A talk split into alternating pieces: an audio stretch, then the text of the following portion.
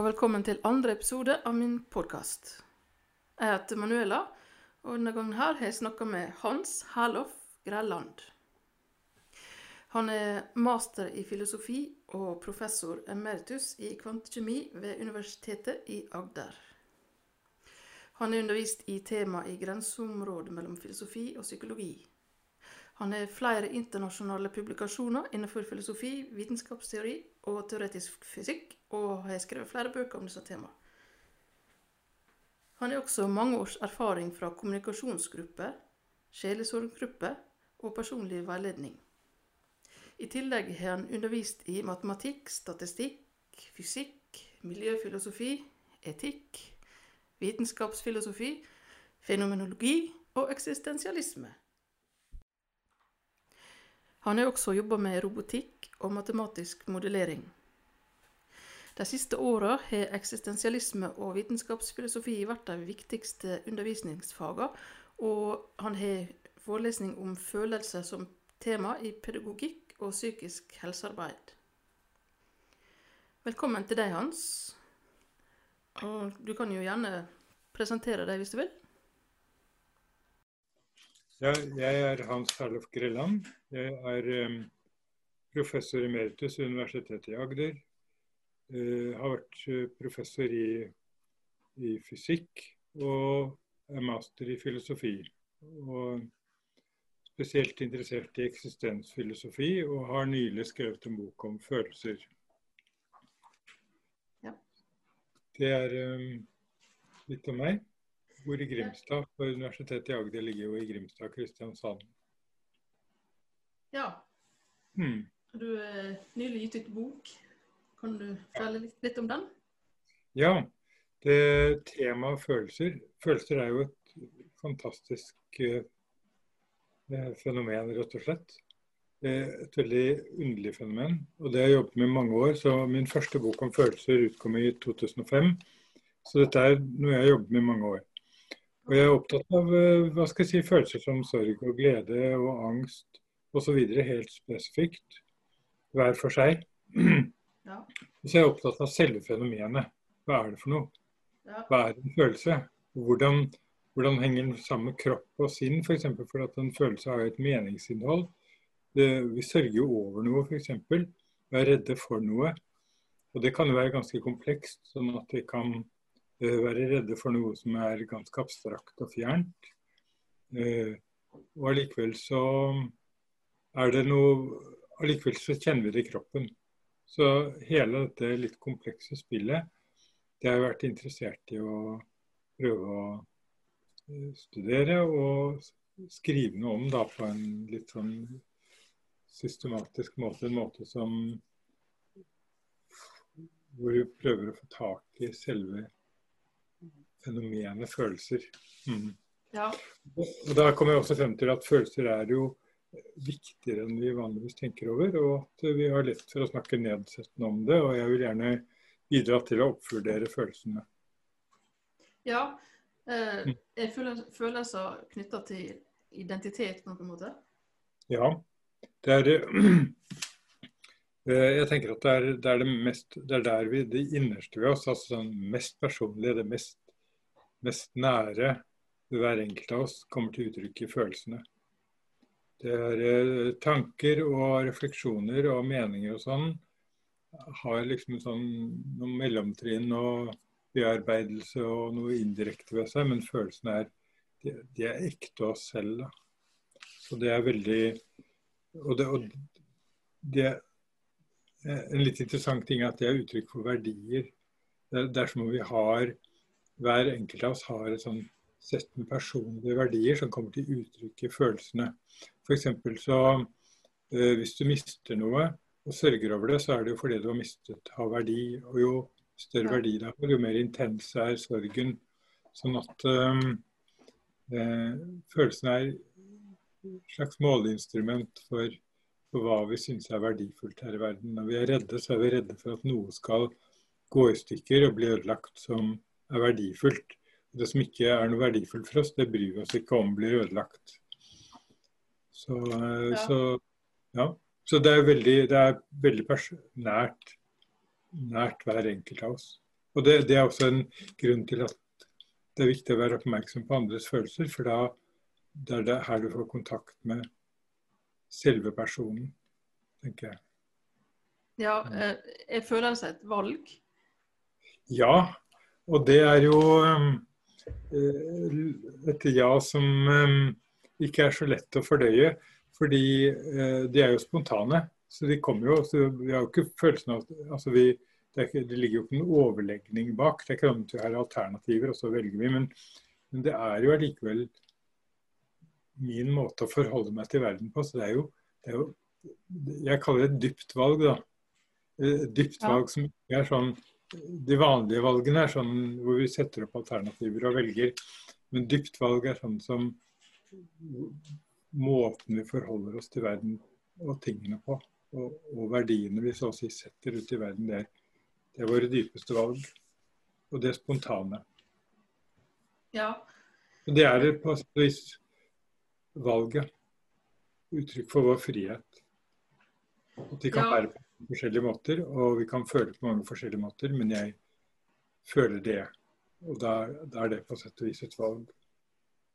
Ja, så Med tanke på regulering av følelser, da? Eh, det er jo én hake ved følelsene. Det er at de responderer ikke på verden sånn som den objektivt sett er, men den, vi responderer med følelsene våre på verden slik vi oppfatter den. Altså um, sånn, sånn, som vi tolker den, sånn som verden framstår for oss. Og det kan jo være Vi kan jo ta fatalt feil. Kan, når følelsene er feile, så er det fordi at vi forstår verden, feil. Og det kan jo skje. Så vi kan bli sinte på noen for noe som de ikke er skyld i, f.eks. For, for ta et veldig enkelt eksempel så er det jo ikke selve sinnet det er noe galt med, men det er det er, det, det er, det er vår oppfatning av verden. Og så har vi også erstatningsfølelser. Sinne er jo typisk en sånn følelse som man ofte må jobbe med og lære seg å håndtere og kanskje dempe og sånn. Og det er jo også fordi at vi kan gå rundt og være sinte for ting. Og ting hvor vi egentlig ikke er sinte på det som foregår her og nå, men kanskje har et sinne i oss som stammer fra tidligere erfaringer. Ja. Og så går vi rundt resten, og så er det noe, noe, som har rammet oss på et tidlig stadium i livet. Og så går vi rundt og er sinte på ting og folk og forhold i verden resten av livet. Fordi vi aldri blir kvitt dette sinnet.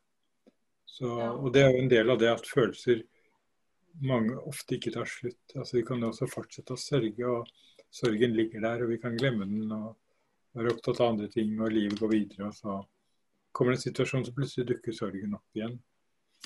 Eh, og, så vi har eh, gamle følelser lever fortsatt i oss, på sett og vis.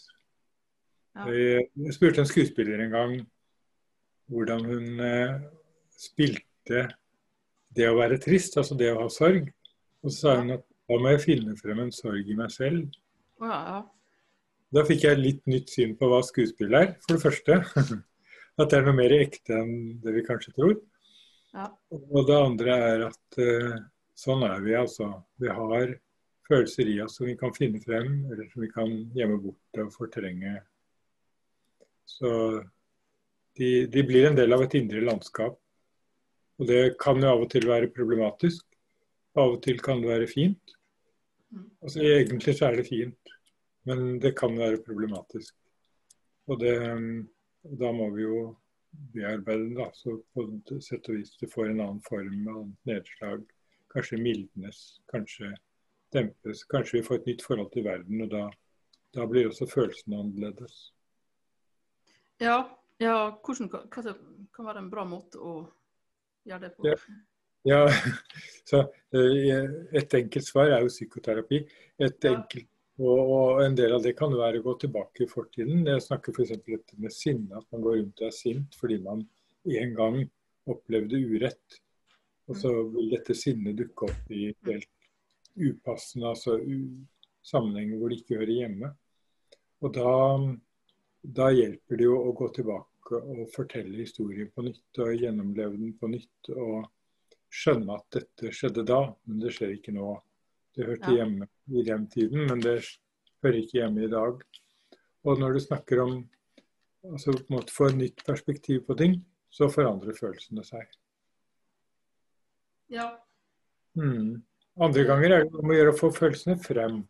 Altså få lov å gjenoppdage dem. At man går og har eh, hva skal jeg si, et litt flatt liv. da. Og så, og så kan noe treffe noe, så får man hentet frem en følelse, og det, og det er en god ting. Der, følelsen er jo grunnleggende sett en god ting. Så det å få overfrem følelser som er i oss, selv sorg, selv, selv frykt, frykt og angst, er egentlig det, det, er på en måte det som gir livet vårt farve og mening. da. Sånn at ja. det, er, det, er, fint å få det hentet frem. Jeg tenker jo, jeg, Vi kunne snakke om dette med musikk og høre på musikk. Ja. For å høre på musikk. Ja, musikk så er det jo det at musikken treffer følelsene våre og henter dem fram. Og det er jo en god opplevelse. Ja. Og det er jo en psykoterapi i det også, da. Ja, musikk kan være god terapi. det kan det. Ja, ja. Det... Og, det, og, det, er bare en god opplevelse også. fordi det, og det er, det er jo no, Noe musikk føler man jo treffer seg, ja. treffer en, og noe gjør det ikke, på en måte. Og det har jo med om de treffer følelsene eller ikke. Om det vekker følelser, eller om det ikke gjør det. Ja, så det er ja. forskjellige typer musikk til forskjellige som kan kanskje Det er jo det, ja. Og vi på en måte sosialiseres vel inn i til å forstå forskjellige musikkformer. Så noe må man jobbe med å lære seg, så, og noe kommer ganske umiddelbart. Ja, sånn som tempo i musikk, forskjellige typer musikk. Nok, jeg syns jeg leste ja. en plass at uh, det, det er forskjellige typer Aktiverer forskjellige typer områder. Hvis det f.eks. rask musikk, at det kan være mer oppløftende, f.eks. Ja. Og mer rolig musikk kan være for en annen tilstand igjen. Ja, nettopp. Det høres jo riktig ut, det. Mm. Så er det dette med sterk og svak, da, ikke sant. For det er noen Noen syns jo det er deilig med veldig sterk musikk, for du føler liksom ah, Får jeg endelig følelsen ut. Ja, det blir sånn katarsis. Bare, andre syns det bare er bråk og støy og mm. Ja, det er en måte å ja. Det er for, for, forskjellige måter å respondere på det. Og da har det jo med hva man har Både hva man ønsker vil ta imot, ikke sant? hvordan man vil forholde seg til det. begynner ofte med det, og hva man åpner seg for. Og hva man kan lære å like. Ja. Hvis man lærer å like klassisk musikk, f.eks., tenker jeg da det er kanskje en litt historisk avstand og sånn til mye av den musikken. Og da trenger vi kanskje å sosialiseres litt inn i det. Og så kan det bli helt fantastisk.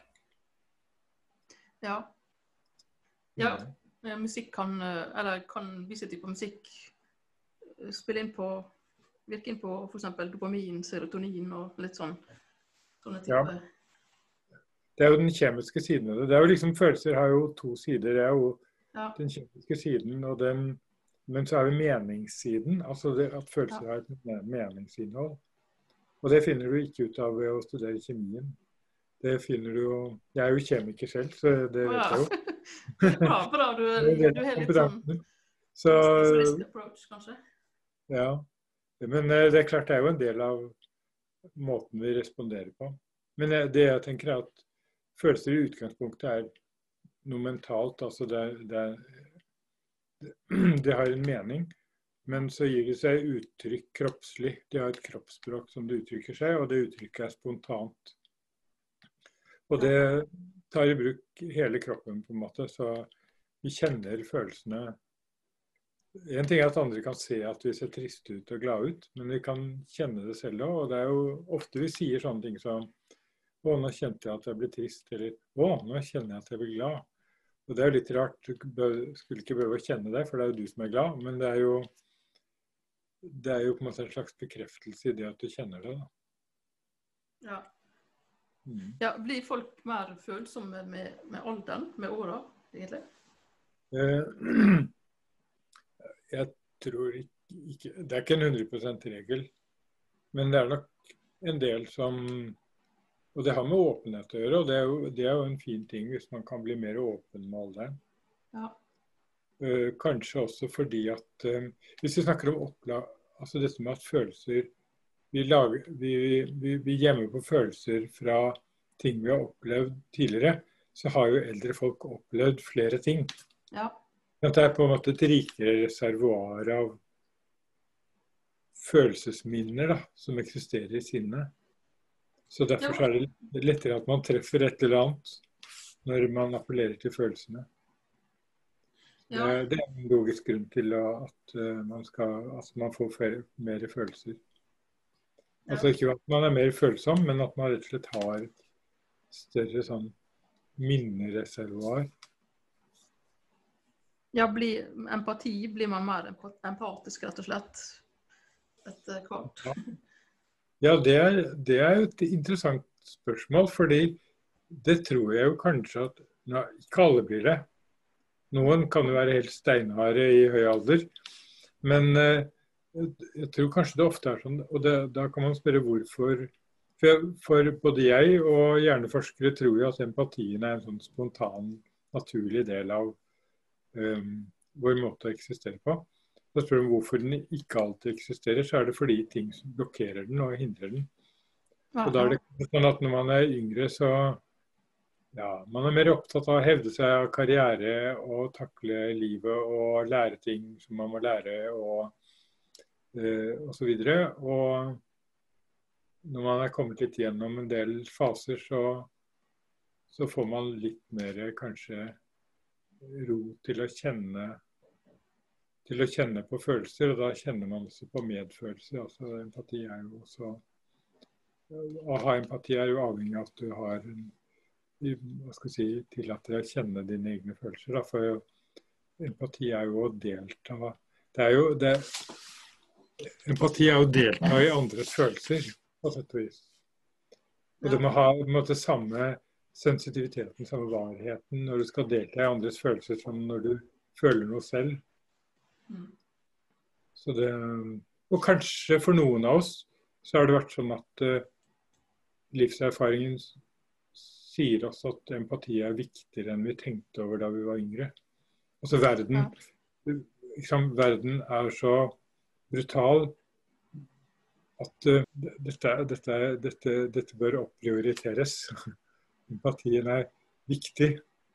Den er viktig ja. i verden, den er viktig i mitt liv, men den er viktig i verden, den er viktig i samfunnet. Ja. For at folk skal ta mer hensyn til hverandre og behandle hverandre penere og gjøre mer godt overfor andre og skape et bedre samfunn og en bedre verden. Da. Ja. Mm. Kan man utvikle empatien ved å aktivt gå inn for det? Jeg tror det, ja. Bl.a. fordi at um, empatien er litt avhengig av at du er sensitiv overfor hva andres altså du, skal, du, må på en måte forstå andre, du må kunne skjønne hvilke følelser andre har. Og det må du jo kunne lese av uttrykkene deres måten de uttrykker seg på. Og det er en litt treningssak. Det handler om å være åpen og oppmerksom. Og så, det, og så kan man lære litt og med erfaring at, uh, hva, hvordan folk uttrykker seg. Og det, det, er en vei inn til å øke empatien. Skjønner du ikke noe av hva andre føler, så hjelper det på en måte ikke om du er følsom selv. fordi du skjønner ikke hvilke følelser du skal delta i eller ha empati med. Ja. Så du må jo, Der er det litt sånn læring ute og går. Men uh, de fleste av oss lærer forhåpentligvis en god del om det veldig tidlig i barndommen og ungdommen. Ja. Mm. Uh. På en måte så er, så er Vi går tilbake til musikk.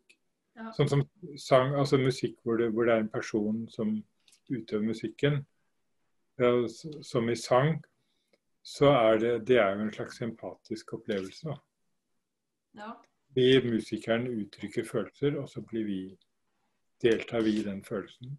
Og det er en opplevelse. Ja, så det er en, skal si det litt sånn nøkternt, en trening i empati. Ja. Mm. Sånn høy, høysensitivitet, er det Har du noen tanker rundt det? Nei, jeg har ikke så veldig mye tanker om det, annet enn at jeg har stor respekt for det. Altså at liksom eh, det er eh, vi, vi, bør kunne se på det som litt fint at noen har grad av sensitivitet. Men det er ikke alltid så lett å leve med det. Sånn at uh, Jeg ser jo det, men, men, når det først er så galt, så er det noe fint ved det. da. Det, det er generelt fint å være sensitiv, tenker jeg. Ja. Og, og ikke minst for menn selvfølgelig så er dette med følelser en ting som altså man, man bør, Vi bør på en måte vokse inn i som kultur, kanskje, å vokse inn i et mannsbilde hvor det er mer plass til følelser. Og mer rom for følelser. Man kan være fornøyd med at man har følelser og være stolt av det. Og ønske seg at man kan være en følsom person. Ja. At det er fint. Det er like fint som å være en aggressiv og hardtslående person. Som jo er de gamle mannsidealene.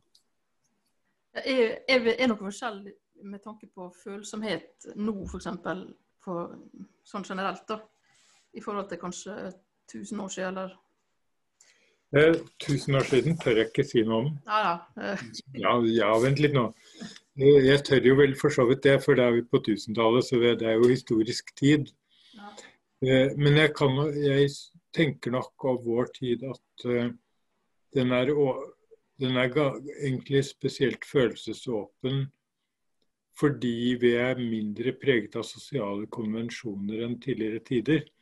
Og det var én grunn til å legge lokk på følelser, var jo sosiale konvensjoner. Altså du skal oppføre deg på en bestemt måte fordi du spiller en spesiell rolle i samfunnet. Fordi du er mann, fordi du er tilhører overklassen eller arbeiderklassen eller mm. er slave eller eh? Det er masse regler og normer knyttet til samfunnsroller osv. Og, så og alt det hindrer en i å vise følelser. Og når man ikke får lov å vise følelser, så blir man mindre oppmerksom på sine egne følelser òg. Så jeg tror vi, Det er mye følelser i vår tid, og det syns jeg bare er veldig bra. Ja. Eh, så det, folk snakker kanskje mer om om følelser generelt. Det gjør det jo. Tendensen det mange, mange, blir litt mer fornærma enn kanskje for ja, ja. 50-100 år siden. Nei, du vet, det er sånn, det ene så 50 og 100 år siden så ble man jo så fornærmet at man drepte folk. altså Det var sånn oh, ja. ja, ja, vi, vi litt mer sivilisert. Det, det kom absolutt an på hvor på samfunnsstigen du var. Ja. Var du høyt oppe, så skulle det ingenting til å bli fornærmet. Og det var voldsom gjenhendelse. Var du i underklassen, måtte du finne deg i alt mulig. Mm. Så det har vært det er, dette, det er et interessant tema, det. Ja. Det er det. det, er, det er, på en måte så syns jeg det er sånn fint at man får lov man kan ha lov å være fornærmet. Fordi ja. da tar man seg selv litt høytidelig, på en måte. Altså det, det skal man ha lov til. Men det kan jo bli for mye av det. Ja, da, mm. da finne balansen. ja, ja. Ja. Uh, intuisjon, da, er det ser, ser, du det som en følelse, f.eks.? Nei, jeg gjør ikke det. Men det er noe slektskap her. fordi at intuisjon uh, Når jeg tenker på intuisjon, så tenker jeg kanskje på det å forstå ting. Altså man forstår ting intuitivt. Ja. Uten å vite helt sikkert hvorfor man forstår det, men det, det, skjønner, det skjønner, man bare. F.eks. menneskekjennere som liksom kan se på en person, og så skjønner de bare at den personen har det vondt, eller hva det er. Og så spør du hvorfor det, hvordan vet du det, så bare, bare liksom så sier man at jeg føler det på meg, da, men det er ikke noen følelse sånn som glede og sorg, men det er noe annet. Det er en slags form for forståelse.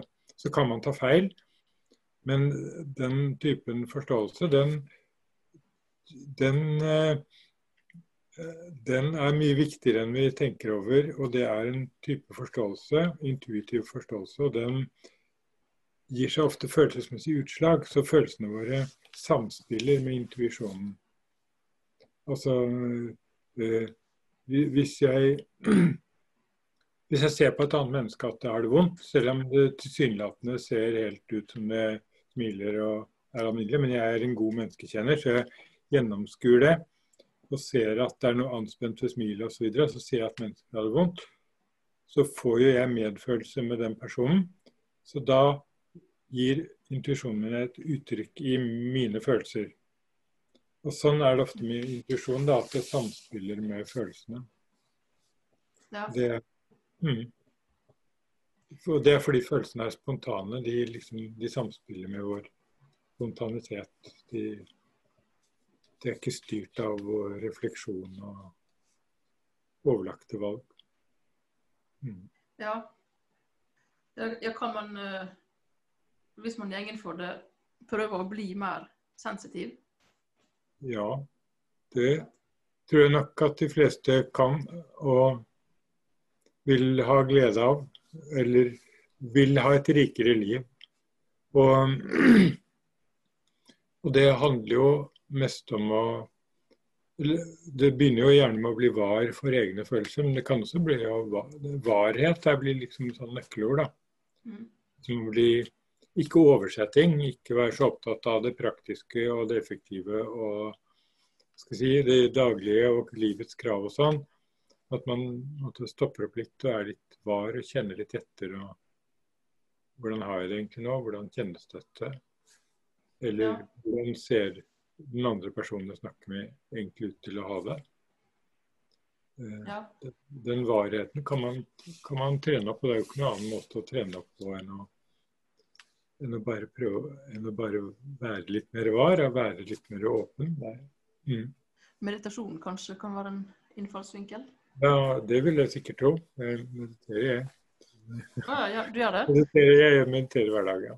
Mm. Ja, ja hva du er, er, hvordan, er det spesiell form for meditasjon? eller? Ja, det er en spesiell teknikk. Det er en meditasjonsorganisasjon i Norge som heter Akem, som har en teknikk som Ja, ja. Det er egentlig en, en videreføring av transcendentalmeditasjon, eller en variant av det. Å ja. det ja. ja, det er veldig mange som skryter av den. eh, Den har jeg veldig, veldig glede av, så den bruker jeg hver morgen. OK. Ja. Eh, Om jeg er blitt mer sensitiv av den, det kan jeg jo ikke vite helt sikkert, da. Men eh, det, det, det, det virker jo sannsynlig Jeg blir i hvert fall mer sensitiv overfor meg selv, da. For det er jo ting som Altså det som foregår i meg, som dukker opp i meditasjonen. Jeg får jo avsatt tid til å kjenne etter. Ja. Mm. ja. Er det lenge siden du starta med den? Ja, det er noen, noen år siden. Ja. Jeg husker ikke riktig hvor mange det er nå. Jeg, for jeg begynte jo første gang å, studere, å meditere på 70-tallet. Men så oh, ja. flyttet jeg la til side, og så tok jeg det opp igjen på Det må være 20 år siden. eller noe sånt. Å ja. Såpass. Ja. Så har du god erfaring der. Ja da. Mm. Ja, ja nei, meditasjon er veldig, veldig nyttig på mange områder. Ja, det er det. Avspenning og mm. Ja. Ja. Sånn eh, med tanke på eh, hvordan kan vi få mer eh, følelse av glede i livet generelt? Sånn, Ja, jeg har jo en teori om glede, da. Og det mm, eh, Og det er jo at glede egentlig er en følelse som ledsager følelsen av å være til. og Det høres litt abstrakt ut, kanskje. Men vi, vi er jo Vi lever jo ikke sant i denne verden, og vi er jo til. Men eh, det er ikke alltid vi har så sterk følelsen av det, fordi vi er opptatt med, opptatt med ting, og ting skal fungere, og problemer skal løses, og oppgaver skal løses. og, og vi holder på med det ene og det andre og tenker på forskjellige ting. Og vi tenker på hva som skal skje i morgen, og vi tenker på hva som skjedde i går osv. Og derfor så kan vi ha varierende følelse av å følelse av å være til. Og når jeg sier følelse av å være til, så mener jeg jo, bruker jeg ordet i en litt annen betydning Mm. enn en glede og sorg og sånn. Følelsen av å være til, altså sånn at man kjenner at man er til. da. Og, Ja. og min oppfatning er at glede dypest sett er en følelse som ledsager dette å kjenne at man er til. Så hvis du ikke har glede, så har du ikke Så kjenner du ikke at du er til. Og det henger jo ofte sammen med bekymringer og frykt og sånn. Det bringer en liksom ut av denne følelsen. Og det er ofte sånn også hvis man er redd eller angst at man måtte helst ikke vil være til stede. da. Jeg syns jo situasjonen er så ubehagelig, og så farlig at de, så, er vi, så er vi ikke helt til stede. Og da kjenner vi heller ikke glede. Mens hvis vi fornemmer vår tilstedeværelse i verden, altså kjenner at vi er til, så kommer gleden av seg selv. Og det er det som er gledens egentlige innhold. Og alle små og store gleder er bare måter som bibringer dette. Og da kan vi ta et eksempel, en gave f.eks. Som jo er eh, en god gave, da. Sånn gave hvor du får det fra en person som viser omtenksomhet mot deg. Oppmerksomhet ved å gi deg en gave. Så, så ved å få den oppmerksomheten, så får du en intensivert følelse av å være til. ikke sant? For når noen andre er oppmerksom på deg, så intensiverer det følelsen av å være til. En gave er da en som er glad for at du er til, da, sannsynligvis. Eller i hvert fall er det som blir signalisert. Og det er egentlig gleden med en gave. Og da kan det nesten være det samme hva det er. Mm. mm. ja. det, så det er et eksempel, da. Men, mm. ja. Eh, det er litt komplekst dette, for det er jo så veldig mange ting som gir glede. Og så skal man nøste det tilbake til denne grunnfølelsen. Men jeg er veldig overbevist om at dette er riktig, da. Men det er en slags teori eller hypotese fra min side. Ja. Eh, jeg er litt opptatt av at glede er noe som er universelt.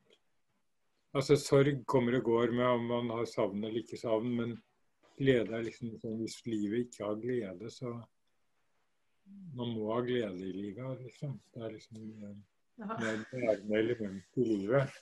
Og noe glede må man ha, selv om livet kan være ganske traurig. Så, så må det liksom være noe, noe, som gir glede, som holder en oppe. Ja. Det, mm. um, kan man bli styrt eh, man, Eller kan man bli for styrt av følelser, og hva kan man eventuelt gjøre hvis man føler det slik? Ja, man kan det. Og det Det er jo fordi at eh, vi, når vi skal leve her i verden og vi skal innrette oss, så er vi faktisk nødt til å bruke veldig mye analyse og logikk og kunnskap og sånn. Ja. Men vi må kunne innrette oss her i verden. Skal du ha en god helse, så er du faktisk nødt til å vite litt om hva det betyr, og hva du bør spise som er sunt, og hva som ikke er sunt, og at du trenger mosjon. Ikke sant? Ja. Så vi trenger å kunne, kunne, en del fakta. Og vi trenger å kunne skjelne fakta fra usannheter, og vi trenger å analysere konsekvensene av det. Og vi må lære oss hvordan vi håndterer det å bo i et hus og lage et måltid mat. og. For ikke å snakke om mer kompliserte ting som har med yrke å gjøre. Sånn. Så vi, alt, dette, alt dette analytiske det er en viktig del for at vi skal kunne leve et godt liv. Og der kan jo følelsen av og til komme litt i veien, da. Mm. At vi kan bli lammet av frykt, f.eks. Ja. Eller at de kan bli ufyselige og bli være sammen fordi vi er sinte. Mm. Eller at uh, vi kan uh, bli lammet av angst, eller at vi så, så følelsene Det kan, kan, bli for mye, og kan, de kan faktisk av og til være malplassert. Av og til må man skyve dem til side. Fordi nå, nå kreves det handling. Sånn. Hvis du er uh, kjører ambulansebil og kommer til et ulykkessted og sånn, da er det da Glem følelsene, ikke sant. Det er um, bare om å kunne dytte dem til side og mm. tenke rasjonelt og analytisk og fornuftig og mm. gjøre det riktige. Så så har man nok en underliggende følelse av at det er godt å gjøre noe som er riktig, at man gjør en forskjell her i verden. Men eh, du har liksom ikke tid til å tenke på det da. Så kan du ja. tenke på det etterpå hvis det gikk bra. Eller sørge hvis det gikk dårlig. Mm. Mm. Um, sånn, er det noen sammenheng mellom følelse og intelligens? Eh, nei, det, det tror jeg Det er i hvert fall ikke tenkt at det er, da. Og det at uh, uansett hvor intelligent du er, så har du et like rikt følelsesliv. Mm. Det er kanskje jeg er litt usikker på dette med intelligens. altså det er sånn Folk som er intelligente, sånn som man måler intelligenstester, mm.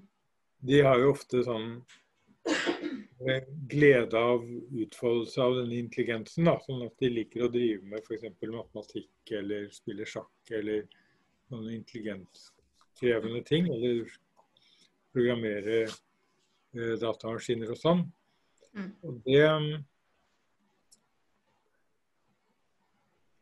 Og da kommer det, det kommer litt til fortrengsel fra å altså Det kan fylle livet sånn at liksom, ting som vi tenker på mer, følelse, som mer følelsesmessige ting, f.eks.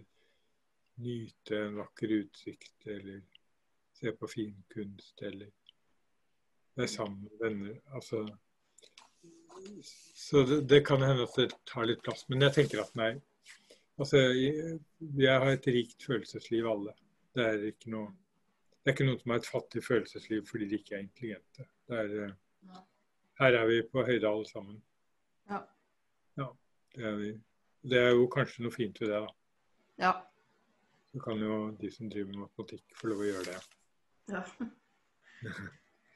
Selv om jeg, underviser, jeg har undervist i matematikk òg, sånn at jeg har jo hatt som oppgave å lære folk at de kan lære mer matematikk enn de tror de kan, og at det er mer gøy enn de tror det er. Men det er jo det en annen historie. Ja. Ja. Nei, det er jo Men når ting er gøy, så er det jo følelser med en gang. ikke sant? Sånn at det er jo Ja. Mm. det, Så det, følelsene er jo der overalt, selv i det mest rasjonelle og matematiske. og Det er jo også erfaring for, da, og dette med å drive med fysikk og særlig forskning og sånn.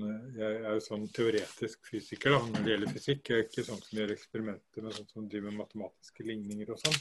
Ok. Prøver å komme frem til nye matematiske ligninger.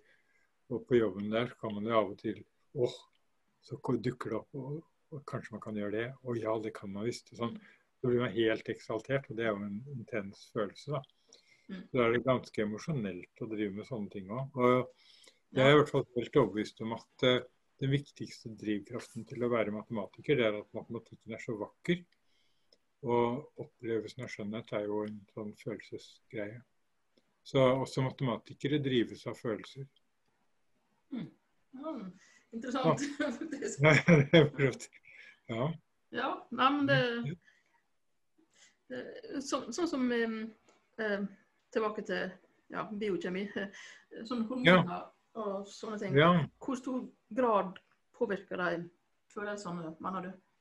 Altså det er, det er liksom, Følelsene har liksom dette som et slags apparat, et medium som det bruker. Det kan det, og det er jo kanskje det som gjør følelsene så komplekse. at De er ikke bare mentale. De er ikke bare, det er ikke bare snakk om et følelsesmeningsinnhold, men det er samtidig noe som utspiller seg kroppslig. Ja. Og da er jo kroppen stor betydning. Det er f.eks. det å bruke eh, bedøvende midler og narkotika og sånn. Det kan jo være da ting som stopper følelser, hindrer følelser, blokkerer følelser. Ikke fordi man mentalt sett ikke er redd, men fordi kroppen på en måte ikke får utfoldet redselen. Så, så hormoner er en del av dette kroppslige systemet. Mm. Det er, det, er, det er en viktig del av følelsessystemet vårt. Og det er det, det som gjør følelser fascinerende, syns jeg, at det er sånn samspill mellom kropp og sjel.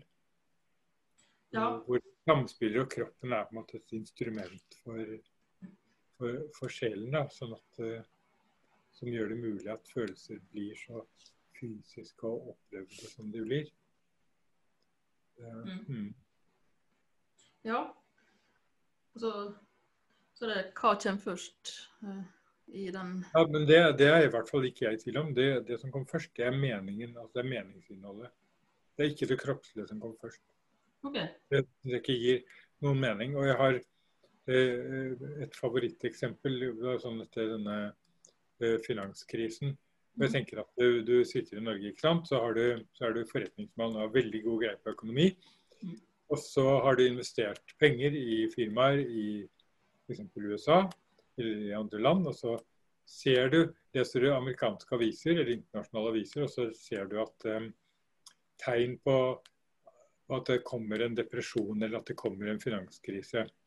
Før alle andre skjønner at den kommer, så skjønner du det fordi du er så veldig kompetent. Sant? Så sitter du i en lenestol i Norge og leser disse tegnene. Og så kjenner du et sug av rett av frykt. ikke sant? Mm. Fordi nå skjønner du at alle investeringene dine står på spill. Og det er frykt. Mm. Og det får du fordi du leser avisen om noe som skjer på den andre siden av kloden, og som du bare får mening ut av fordi du er så kompetent. Det er klart det begynner jo ikke i kroppen. Det begynner med tankene dine. Ja. Og det er via tankene dine at du skjønner at det er farlig. Og når du skjønner at det er farlig, så blir du redd. Og når du blir redd, så bringer du kroppen inn i bildet. Ja. Og sånn tenker jeg at alle følelser er. De begynner, begynner med tanken, de begynner med det mentale, de begynner med et meningsinnhold. Og så samspiller dette, så uttrykker dette seg, utfolder seg kroppslig. Mm. Mm. ja.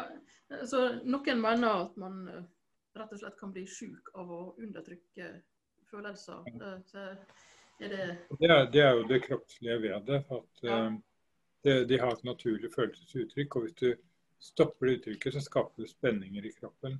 Mm. Og spenninger er jo ikke bra. Da. Det er jo Ja. Det, det, det er sånn stress, og det er ikke bra for kroppen. Og det kan jo slå på mange måter. Det kan du få magesår og ja. Egentlig så kan du få mange flere sykdommer enn vi trodde før. Ja, ja, det det bør vel komme litt forskning på det det. inntrykk av det at det er at, eh, For det har liksom noe med hele kropps eh, hele kroppstilstanden å gjøre. Påvirker hvor lett du får sykdommer og hvor dårlig du hvor godt du klarer deg mot dem og sånn. Men det, dette er jo ikke mitt fagområde, altså det Mm. skal vi ikke uttale meg altfor uh, bastant om det. Men eh, det er klart det ikke er sunt. Eh, Det er, det, er, det er ikke sunt å fortrenge følelser, sånn at man mister kontakt med at man har dem. Mm. Men det er, ikke, det er ikke sånn at man alltid skal uttrykke følelser. Nei. Det er ikke det. Og det er rett og slett ikke det. Og det er både ikke mulig i samfunnet, og det kan være ikke så godt for andre mennesker. Så, og igjen er dette med sinne. ikke sant? Hvis du går rundt og er sint, så er det kanskje like greit at du holder det for deg selv. Mm. Det kan utholdes for mye også, at du blir voldelig og sånn. Så det, og Da er det bedre at du holder det for deg selv, men det som ikke er bra, det er å at du har sinne, men ikke er klar over at du har det. Og så kommer det en eller annen sånn Gir utslag i en eller annen sånn irrasjonell aggresjon på et tidspunkt. Ja. Så det er, fint å, det er fint å ha kontakt med følelsene sine. Men uh, man må nok tenke seg om hvordan de skal uttrykkes. ja.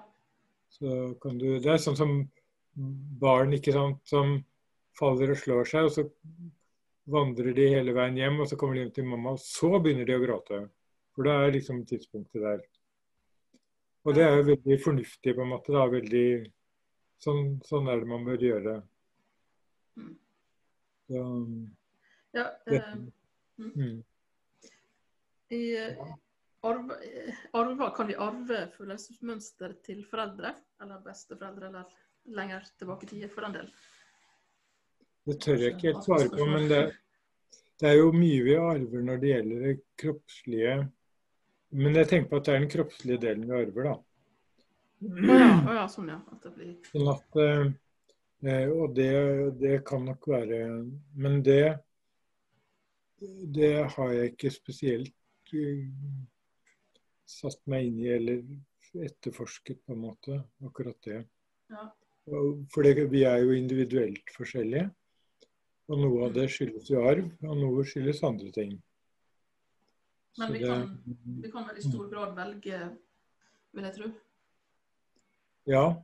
eh, Vi, stort sett vi er jo utrustet med det samme følelsesregisteret. Det er litt forskningsfelt bare det, egentlig, å finne ut av det. Men, eh, men eh, vi har jo Kroppene våre er jo rett og slett forskjellige. Og de, Ja. de, det betyr jo at eh, når følelsene skal uttrykke seg kroppslig, så vil også ting som har med arv å gjøre, ha betydning. Da. Ja. Mm. Mm. Eh, Du jobber litt med robotteknologi. Ja. Jeg har gjort det en gang. Mm. eh, hvordan du tenker i forhold til nå framover nå, nå ja, robotisering og digitaliseringstida? Robotene kommer jo. Ja. Og folk kommer, ingeniører kommer til å synes det er veldig gøy å lage roboter som ligner mennesker. Mm. Og robotene kommer til å overta mange eh, aktiviteter som i dag mennesker gjør, og som vi aldri har tenkt noe annet enn at det er bare mennesker som kunne gjøre. Men eh, eh, det, ja, så Derfor tror jeg det i fremtiden blir veldig viktig for oss å ha klart for oss hva som er forskjellen. ja. Og rett og slett å finne ut For det er mye av det vi mennesker gjør som kan erstattes av robot. Og da, det vi da gjør, er på en måte ikke det mest genuint menneskelige. Mm. Men, eh, så det er viktig å vite hva som er forskjellen. Og du kan si at når, når du følger en kommando Det gode eksempelet er jo sånn marsj i militæret. da. Og sånne øvelser i militæret hvor det står en og offiser og kommanderer, ikke sant. Og Mm. alle gjør helt likt. Da oppfører de seg som roboter. Da er det ingen, soldatene har ingen egenvilje. De bare gjør akkurat det de skal, og de følger et mønster som andre har bestemt. Da er de så robotaktige nesten som et menneske kan bli. Men mange av oss er robotaktige ellers også, ved at vi ikke er ekte oss selv. altså Vi, vi uttrykker ikke hvordan vi virkelig er, men vi spiller noen. I det øyeblikket vi spiller noen, så er vi på en måte det er, det er noe robotaktig ved det å spille. For da må vi fylle konvensjoner og regler for hvordan man skal være. La oss si at eh, eh, jeg er lei meg f.eks. ikke vise det på jobben, for at det der er det om å gjøre å være suksessfull og sånn. Og det er de som har pågangsmot og glede som vinner. Så da, da stiller jeg med og smiler og ser glad ut. Og for at jeg skal vite hvordan jeg skal gjøre det når jeg ikke, ikke er glad, så må jeg følge reglene eller vanlige konvensjonene for hvordan man oppfører seg når man er glad. Mm. Når du følger regler sånn, så er du litt robotaktig. Eh, mens når du virkelig er glad og uttrykker det, da er du ikke robotaktig, og da gjør du noe som en robot ikke kan. Ja. Det er i hvert fall helt, helt, helt overbevist om. En robot kan ikke ha følelser, Mm. men den kan lages sånn at den virker som om den har det. Og som andre ord, den kan ha en atferd som kopierer menneskelig atferd når de har følelser. Men den kan ikke ha følelser, så den kan virke glad eller trist, men den kan ikke være glad eller trist. Det er min mening om dette. her. Så det blir viktigere for oss å være oppmerksom på når er det vi gjør genuint ekte menneskelig, og følelsene er veldig sentrale her. Ja, det er sant. Mm. Men også tanker altså, og meninger. er det sånn Når du sier det du virkelig mener, da er du ikke robotaktig. Når du, sier, når du representerer f.eks. du er bilselger og skryter av den bilen du skal selge, så må du gjøre det, for det er jobben din. Mm. Og du må jo si at den er bedre enn andre, alle andre biler. Da er du robotaktig. Mm. Så det, det blir viktigere for oss i fremtiden å lære oss å, å, å skjønne hva som er det genuint menneskelige i, i vårt liv. Ja. Å kunne skille oss fra roboter. ja. Det, for det kan jo Det kan jo aldri bli en Ja, man kan aldri En robot kan liksom ikke ha sjel, tenker jeg da. Nei, det tenker jeg også. Så det, men du kan jo godt tenke deg i fremtiden at man lager f.eks. kunstig produsert sang. Mm. Ikke sant? Vi har jo sånn tale i dag. Sånn kunstig tale. Mm. Og det kommer til å bli utviklet jo større datamaskinene blir, og raskere det blir, jo mer raffinert blir disse talesystemene. Høres mer og mer ut som virkelige mennesker. Og det vil man kunne gjøre med sang òg.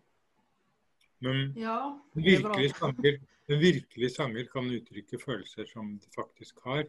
Mm. Det kan ikke en robot gjøre. Ja, det er et godt poeng. Så det er liksom litt av, litt av samme problemstillingen der, da. Ja. ja, nei, vi må ikke legge for eh, stor tillit til at robotene skal redde verden, skulle jeg si. Jeg tror ikke det, men de er jo nyttige i mange sammenhenger. og Ja. Det er jo litt sånn vi, vi, vi har jo ikke oversikt over hva det kommer til å føre til. Men det, Nei, gjeng det litt, sånn gjeng det. gjeng det litt for fort av og til. ja, ja. Utviklinga, kanskje. Mm, mm. Ja. Ja, nei, jeg vet ikke om det var noe mer du ville tilføye utover det vi allerede har tatt opp, da? Nei, jeg syns jo jeg har fått sagt en del av det som I hvert fall jeg syns at jeg gjerne vil si. Eh, Vi kunne snakke mye mer om forskjellige følelser, hva angst er, sorg er osv. Men, Ja. Men vi har jo fått snakket en del om, om følelser både generelt og med noen eksempler, sånn som glede. Og, så det jeg syns Ja. det har vært greit. ja, Mm, angst, eh, er det mer vanlig nå Er det begynt å bli Ja. Eller er det bare at folk snakker mer om det? Nei, det er mer vanlig. Eller jeg er sikker på at det er mer vanlig. Og det er ganske logisk at det er mer vanlig. Men angst er jo Angst er på en måte den følelsen som har vært mest utforsket av filosofer. Ja. Og den første som skrev om angst som eget fenomen, forskjellig fra frykt, var den danske filosofen Søren Kierkegaard. Mm. Som skrev en bok som het 'Begrepet angst'. Og det er fortsatt en veldig lesverdig bok. Altså Boken er ganske komplisert å lese, men teorien hans er veldig lesverdig. Og han sier at eh, angsten er den følelsen som Jeg snakket om følelsen av å Glede er følelsen som ledsager følelsen av å være til. Mm. Angsten er følelsen som ledsager følelsen av frihet. Angst er, er det som vi kjenner når vi kjenner at vi er fri, på en måte. Vi har frihet.